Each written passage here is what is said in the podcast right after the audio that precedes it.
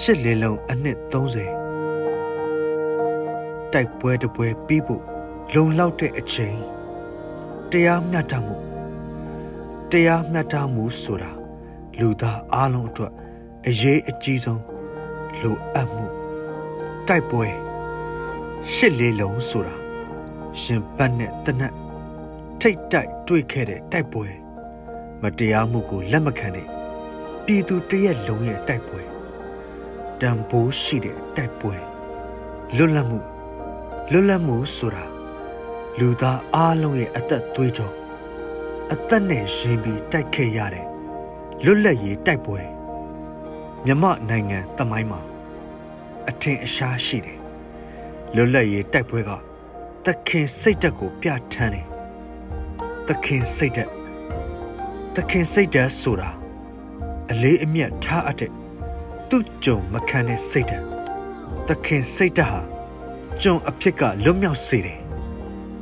ရှစ်လေးလုံးစိတ်ဓာတ်ရှစ်လေးလုံးစိတ်ဓာတ်ဆိုတာအမှန်တရားအထွတ်ကိုကြိုးစွန့်အနစ်နာခံတဲ့စိတ်ဓာတ်လွတ်လပ်မှုအတွက်တရားမျှတမှုအတွက်မျိုးချစ်စိတ်ကမွေးဖွားပေးခဲ့တဲ့ရဲဝံပြတ်သားတဲ့ရက်တီချံသခင်စိတ်ဓာတ်ဟာ နေချက်ကိုတော်လှန်တယ်ရှစ်လေးလုံးစိတ်ဓာတ်က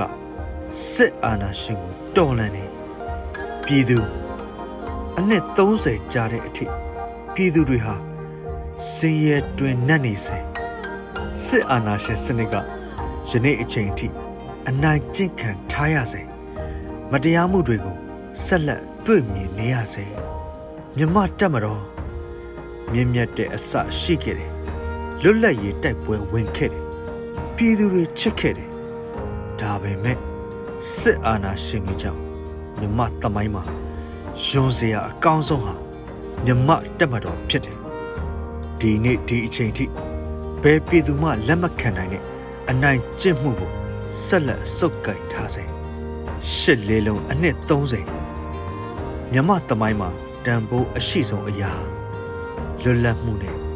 တရားမျှတမှုတန်ဦးမြင့်